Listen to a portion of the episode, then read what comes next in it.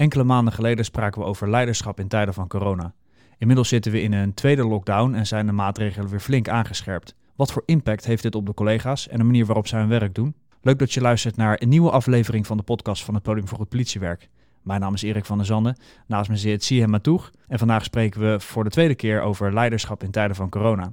En daarom is wederom bij ons aangeschoven Gert van der Geer. Gert, welkom. Leuk dat je er weer bent. Zou je voor de mensen die de vorige aflevering niet beluisterd hebben, uh, willen beginnen met je even voor te stellen? Ja, natuurlijk. Ik ben Gert van der Geer. Ik ben teamchef van uh, Team Jan Hendrikstraat. Dat doe ik samen met Moekta Henning. Team Jan Hendrikstraat uh, in het centrum van Den Haag. groot team. met heel veel dynamiek in het centrum. Inclusief het democratische hart, Binnenhof, met alle demonstraties van dien. Fijn dat je weer, weer terug bent. Om maar gelijk te kijken naar de situatie waar we nu in zitten. Onlangs is alle horeca's weer gesloten. En volgens mij zien we ook een forse toename in het aantal demonstraties. Hoe is het nu om te werken aan de Jan Hendrikstraat? Ja, nou, even terugkijkend. Hè. In maart zijn we natuurlijk begonnen uh, met, met corona. Er zijn allerlei maatregelen toen afgekondigd. En ik heb toen ook gesproken over de onzekerheid bij collega's. Uh, hoe moeten we hiermee omgaan? Het was natuurlijk onzekerheid bij iedereen. Volgens mij is die er nog steeds. Het ging echt over uh, hoe gevaarlijk is het? Uh, hoe moet ik mijn werk doen? Hoe kan ik mijn werk doen? Wat wordt van me verwacht? Uh, een onzichtbare vijand eigenlijk. Toen hebben we in de zomerperiode een nou, versoepeling gekregen. de horeca ging weer open, dingen konden weer. Dat betekent in ons werkgebied dus ook wel weer drukte in de stad met alle gevolgen van dien. Hè. Uh, toch ook wel gezien dat daardoor de besmettingen zijn toegenomen, de vakanties zijn geweest. En nu zit je weer dus in een situatie waarin de horeca opnieuw dicht is. Uh, wat is er veranderd? Ik denk wat er met name veranderd is, is de polarisatie, het anti-overheidssentiment. Uh, je ziet steeds meer weerstand tegen de maatregelen. Je ziet steeds meer mensen die slachtoffer zijn van de maatregelen. De horeca heeft het natuurlijk heel zwaar. En ja, die zijn nu wel dicht. Dus die verdienen geen geld. En ja, dan worden mensen per definitie natuurlijk heel ongelukkig van. En, en, dat is ook heel triest. Alleen we zien wel nu uitwassen die ja, voor ons heel lastig zijn om te handhaven. Er wordt natuurlijk ook van de overheid ja, van ons verwacht dat we handhaven. Handhaven op de maatregelen die gesteld zijn, de noodverordening. Ja, en dat is best lastig. En als ik dan kijk naar de collega's van ons team die daarvoor staan, dan is het af en toe voor de, dames en heren op straat uh, best een, een, hele klus om daar goed mee om te gaan. Want er staan nog steeds elk weekend rijen voor de winkels, omdat het toegangsbeleid wordt toegepast. Uh, niet te veel mensen tegelijk. Maar die mensen staan wel in de rij. Het is natuurlijk ook de afgelopen tijd nog best wel lekker weer geweest. Dus mensen gaan ook bewust de stad in. Er is ook geen ander vertier. De horeca is toch een, een, een, moment van ontspanning. We zien ook bij de jeugd, een toename van de jeugd die, die meer op straat gaan hangen. Uh, we zien uh, toename van de illegale feestjes. Dus al met al krijgen we wel te maken hè, met, de, met de, nou ja, de uitwassen zeg maar, van de maatregelen. Dat is voor collega's echt heel lastig. Um, Want waar lopen collega's dan tegenaan? Wat voor gedrag zien we dan van de mensen? Nou ja, waar de collega's tegenaan lopen is dat aan de ene kant uh, wordt van ons verwacht dat we gaan handhaven. Alleen soms is het niet te handhaven. Het is natuurlijk niet te handhaven om de anderhalve meter afstand te houden in een winkelstraat die echt helemaal vol loopt. En dan heb ik het nog niet eens over de demonstraties, die per definitie tegen de maatregelen zijn. Hè? Want het zijn anti-corona-maatregelen, demonstraties. En ja, de politie die, die staat daarbij en wordt eigenlijk van verwacht dat we handhaven. Maar het is niet te handhaven, want mensen kruipen tegen elkaar aan. Het gaat echt over gedrag van mensen. Ja, maar dat zie je ook hier in het centrum. Als ik hier naar kantoor kom, het is hartstikke druk. Ja, zeker. Ja, en, dat, en, en de collega's lopen daartussen. Spreken ook wel mensen aan. Uh, maar we zijn ook natuurlijk aan overleg met een, met een gemeente en een veiligheidsregio om te kijken van oké, welke maatregelen kunnen we op het gebied van infrastructuur of, of straatmeubilair doen. We hebben het over bankjes, et cetera. Maar goed, het, het, zijn wel behoorlijke, nou ja, draconische maatregelen bijna. Als je een beetje bekend bent in Den Haag, heb je de Grote Marktstaat. En dan heb je eigenlijk over de hele Grote Marktstaat zijn diverse banken verspreid. Dat is natuurlijk een hartstikke sociaal karakter. Dat is, dat is leuk. Maar dat betekent ook dat het hangplekken eigenlijk worden. Uh, van mensen die ja, toch hun vertier zoeken. En iedereen heeft, heeft behoefte aan ontspanning. En dat zoeken ze nu de horeca dicht is. En men op zich ook wel klaar is om iedere keer thuis te zitten, zoekt men dat toch in de stad. En de jeugd met name, en daar heb ik het echt wel mee te doen eigenlijk. Want die kunnen hun, hun drang naar sociale uh, contacten, hun drang naar, naar vertier, ja, dat is weg. Ja, dat, dat gaat op een of andere manier gaat het ergens schuren. En dan zijn wij er, wij bedoel ik echt de handhavende organisatie als politie, maar ook de handhavingsteams van de gemeente, om daarop te handhaven. Want uiteindelijk gaat het natuurlijk allemaal wel om de volksgezondheid. Wij zitten niet te wachten om iemand op te schrijven. Voor, voor, voor 90 euro is het inmiddels. Omdat ze met vijf mensen bij elkaar staan. Daar zitten we echt niet op te wachten. Alleen ja, het menselijk gedrag maakt soms dat we wel die maatregelen moeten nemen of die sanctie moeten gaan toepassen. En dat, dat is lastig voor collega's. Dan ook de interne maatregelen maakt het best lastig. Inmiddels hebben we de mondkapjes. Uh, politiemensen met een mondkapje op straat is best heel erg raar gezicht. Ik bedoel, ja, we zijn een open, transparante organisatie. Dat willen we althans zijn. En dan hebben we in één keer mondkapjes op. Dus de mimiek is ook weg bij, bij uh, uh, mensen. We treden ook op met die mondkapjes. Ja, ook voor collega's is het best heel lastig om daarmee om te gaan. Want wat krijg je terug van, van collega's? Want dit doet psychisch ook gewoon heel wat met hen. Ja, dat, dat is ook zo. Wat je terugkrijgt is dat het heel ingewikkeld is. Want op het ene moment zitten we met z'n tweeën op de auto... en op het andere moment moeten we anderhalve meter van elkaar gaan, uh, af gaan lunchen, bij wijze van spreken. Dat maakt het ingewikkeld, dat maakt het een beetje bijzonder. Daarnaast zijn we ook een organisatie die soms groepsgewijs optreden. Dus als je het hebt over maximaal vier, ja, daar, daar voldoen wij soms niet aan. En dat hoeft ook niet, hè. laat het ook helder zijn, want dat, dat is ook allemaal wel geregeld. Maar maakt het voor collega's best wel lastig om daarin te schakelen. En die worden daar ook mee geconfronteerd door mensen die daarnaar kijken natuurlijk. Die zeggen, ja, jullie, doen, jullie houden je ook niet aan de regels of jullie staan wel met elkaar bij elkaar. Dus voor collega's geeft dat best wel, een, ja, ook wel een impact. En ook die, die demonstraties die er zijn, ik kan me zomaar voorstellen dat ook collega's wel eens denken van, jeetje, uh, thuiswerken. Een politiemens die thuis werkt is best uniek. Uh, want dat zijn we helemaal niet gewend. Wij zijn mensen die in de operatie zitten, dus wij willen graag uh, op straat werken, met mensen vooral contact hebben, in verbinding staan.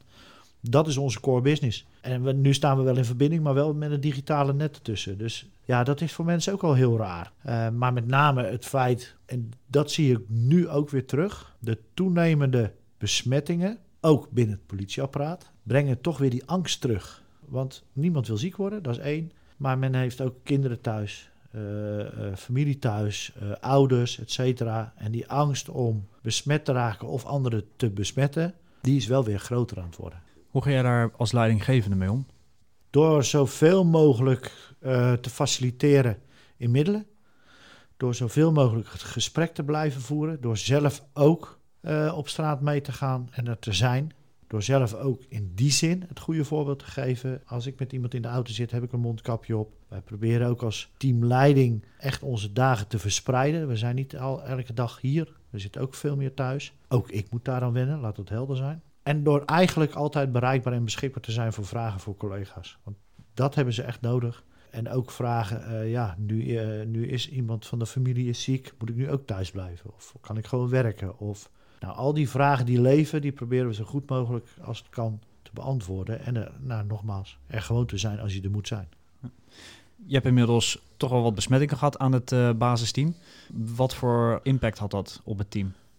behoorlijke impact, uh, maar ook het besef van kwetsbaarheid. En, en uh, ook het urgentiebesef kwam naar boven. Ja, we moeten echt opletten. We hebben inderdaad een aantal besmettingen gehad. Daar zijn we kort op gaan zitten door direct in te dammen en door een aantal maatregelen te nemen. En naar mijn overtuiging heeft dat geholpen. Niemand kan dat bevestigen, want ook de wetenschap is er nog niet helemaal uit. Maar door direct ja, maatregelen te nemen, hebben we denk ik die, die besmettingen wel in kunnen dammen. Maar je zag daarna wel een beweging van urgentie van, oh, zo kwetsbaar zijn we dus.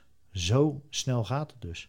Wat denk jij dat corona op lange termijn of korte termijn voor impact heeft op de maatschappij, hoe we met elkaar omgaan? Ja, die polarisatie die versterkt. Waar het voorheen ging, polarisatie tussen bevolkingsgroepen of tussen religies of anderszins, zie je nu een polarisatie die over de hele linie op een heel ander vlak gevoerd gaat worden. Kunnen we daar iets mee doen of iets aan doen?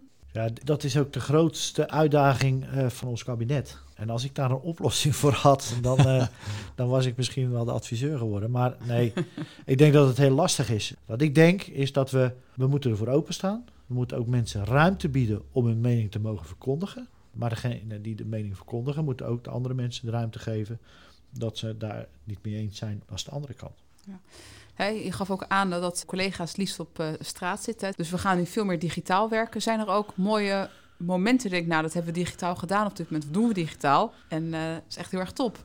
Dat, hebben, dat is ook onze uitdaging om te kijken van waar liggen de bedreigingen vanuit de coronatijd, maar waar liggen ook de, nou, de kansen en de mooie momenten. de digitalisering heeft ook veel heel veel dingen gebracht. Effectiviteit in vergaderingen. Teams is gewoon een, goed middel om effectief en snel met elkaar te overleggen. En dan zie je ook een mooie initiatief ontstaan. Uh, een goed voorbeeld is, we hebben een aantal collega's zijn afgestudeerd. Die, uh, die zijn hoofdagent geworden.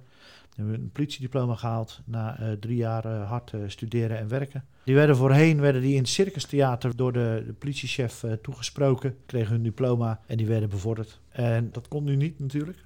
We hebben het op enig moment ook nog een keertje buiten gedaan, de binnenplaats. Alleen kun je er weer geen familie bij halen. Dus we hadden deze keer bedacht om dat via Teams te doen. En dat was best een uitdaging. Dus wat hebben we gedaan? We hebben de collega's thuis verteld dat ze bevorderd werden via Teams. Ze hebben een envelop thuis gestuurd gekregen met hun strepen daarin, met een bos bloemen erbij. En die mochten ze vandaag om 12 uur openmaken. En om 12 uur hebben we Teams opgestart en iedereen heeft ingebeld met een videoverbinding. En we hebben de collega's toegesproken vanuit de districtsleiding. En uh, ja, we hebben ze eigenlijk bevorderd. En het leuke was dat je dus uh, hele leuke momenten ziet. Want hoe leuk is het als een collega bevorderd wordt door zijn eigen ouders. De strepen krijgt opgespeld, om het zo maar te zeggen. Ja, dat is, dat is bijna ontroerend om dat te zien. En je krijgt een kijkje bij iemand in huis. Hè. Dat is al bijzonder als, als leiding.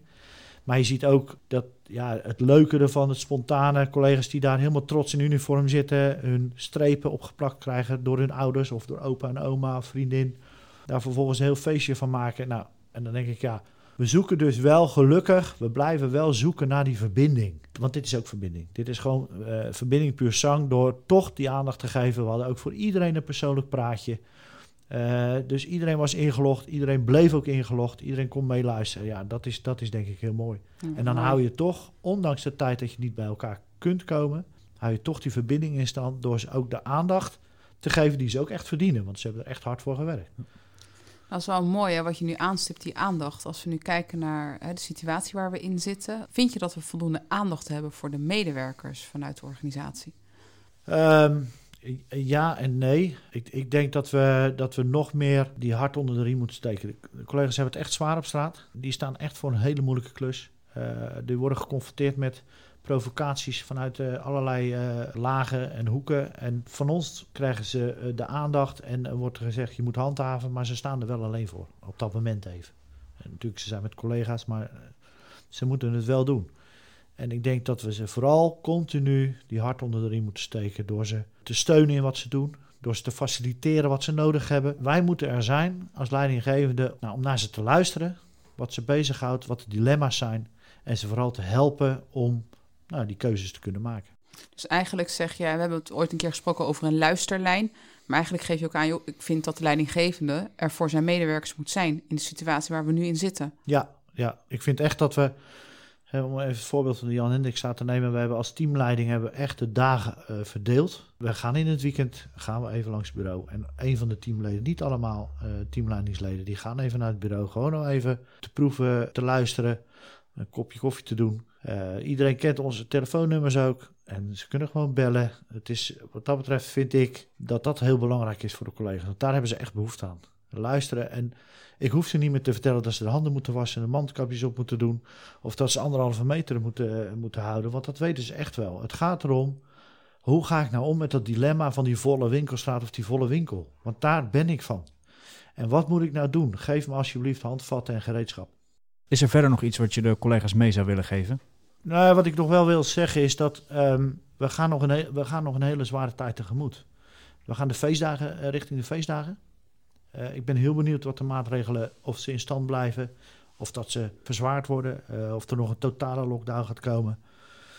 Um, we gaan de feestdagen in. Dat betekent voor heel veel mensen een enorme inbreuk op wat we gewoon zijn. Het familiegevoel, de feestjes, het kerstdiner, het samen zijn met oud en nieuw op straat, in de horeca, noem het maar op. Dat gaat echt een enorme maatschappelijke impact hebben. En daar moeten wij als politie ons tussen bewegen. En dat betekent van de politieleiding, waarin ik mezelf uh, reken, heel veel aandacht en, en ondersteuning en begeleiding. En dat vraagt van de collega's heel veel verbinding maken, uh, empathie tonen. eh, meebewegen, maar ook soms streng zijn op die naleving. Want we willen uiteindelijk natuurlijk wel van die lockdown af. En ik denk dat dat het doel moet zijn. En we willen gewoon met z'n allen gezond blijven en zijn. Dus ja, dat, we gaan nog een hele eh, nou ja, koude winter tegemoet, uh, vrees ik. Ja, die uh, vrees die delen wij denk ik met je. Gert, heel erg bedankt wederom voor je, voor je bijdrage. Graag gedaan. Wil je hierop reageren, dan kan dat. Neem dan contact op met CMA Toeg of met mij, Erik van der Zanden. En dan horen we graag van je. Volgende week zijn we weer terug met een nieuwe aflevering en we hopen dat je dan weer luistert. Bedankt voor het luisteren. Tot volgende week.